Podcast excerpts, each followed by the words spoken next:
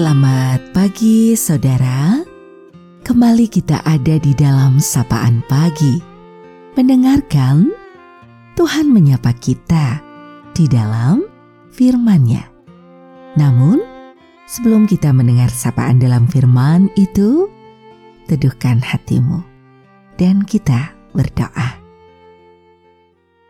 Terima kasih Tuhan, penyertaan-Mu senantiasa ada di dalam sepanjang hidup kami. Terima kasih untuk waktu yang kau berikan saat ini. Mengawalinya dengan berserah padamu untuk mendengar firman-Mu. Dalam Tuhan Yesus, kami berdoa. Amin. Sapaan dalam firman-Nya pada saat ini akan kita terima melalui bagian Injil Matius pada pasal yang kelima, pada ayatnya yang ke-13 dan 14. Kamu adalah garam dunia. Jika garam itu menjadi tawar, dengan apakah ia diasinkan? Tidak ada lagi gunanya selain dibuang dan diinjak orang. Kamu adalah terang dunia kota yang terletak di atas gunung tidak mungkin tersembunyi. Saudara, kita akan refleksikan dalam tema garam dan terang. Injil Matius pasal 5 diawali dengan delapan ucapan bahagia. Kemudian berbicara tentang garam dunia dan terang dunia. Tuhan berkata, "Kamu adalah garam dunia, dan kamu adalah terang dunia."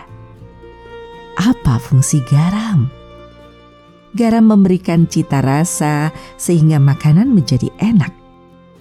Garam pun dipakai untuk mengobati, misalnya mengobati sakit kulit atau untuk infus. Garam juga berfungsi untuk mengawetkan makanan, seperti ikan asin, daging asin, sayur asin, dan telur asin. Tuhan Yesus menyebut murid-muridnya sebagai garam dunia.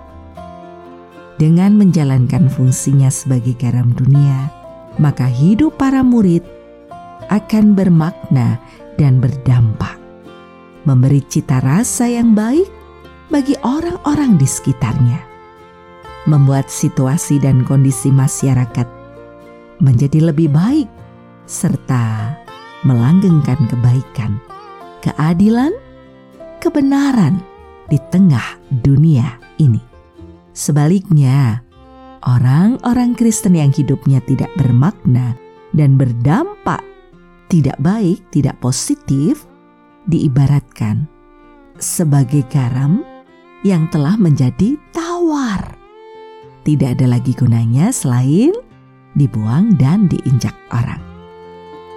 Tuhan Yesus juga menyebut murid-murid sebagai terang dunia. Terang dunia yang sesungguhnya adalah Tuhan Yesus sendiri.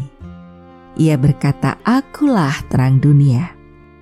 Barang siapa mengikut Aku, ia tidak akan berjalan dengan kegelapan." Atau tidak akan berjalan di dalam kegelapan, melainkan ia akan mempunyai terang dunia. Keberadaan kita sebagai terang dunia adalah seperti bulan yang merefleksikan terang dari matahari, atau seperti pelita yang telah mendapatkan api dari Tuhan Yesus, Sang Sumber Terang. Pelita tersebut meskipun terangnya relatif kecil, namun sangat dibutuhkan di dalam kegelapan malam. Apa fungsi terang? Adanya terang adalah untuk dilihat orang, sehingga orang yang melihatnya merasa damai, sukacita. Terang juga berfungsi untuk memberikan cahaya agar orang-orang dapat beraktivitas dan bekerja dengan baik. Selain itu, terang juga berfungsi menjadi pengarah jalan. Misalnya, mercusuar atau lampu mobil, sehingga orang dapat berjalan dengan lancar dan terhindar dari bahaya.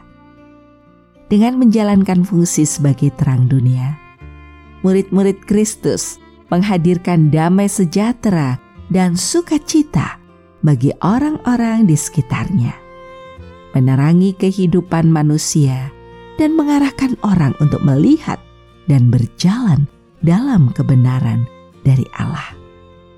Murid-murid Kristus hendaknya tidak menyembunyikan terang yang telah diterimanya dari Kristus, melainkan terus memancarkan terang itu di tengah dunia ini melalui perbuatannya.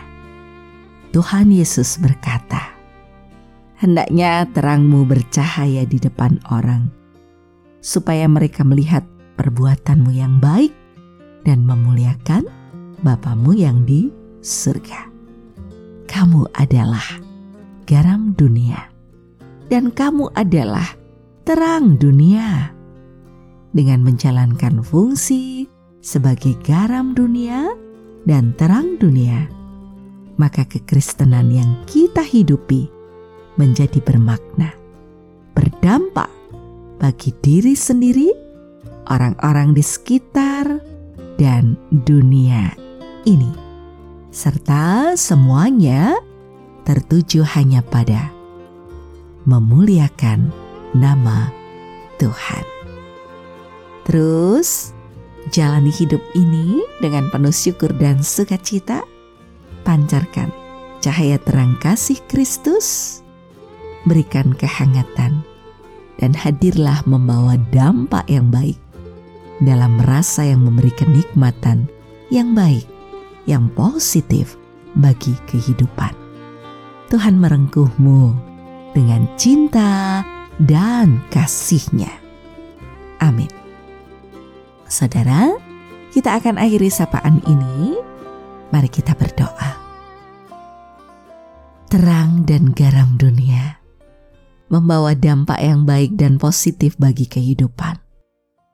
Kami terus berupaya melakukannya Tuhan di tengah kerapuhan diri dan keterbatasan.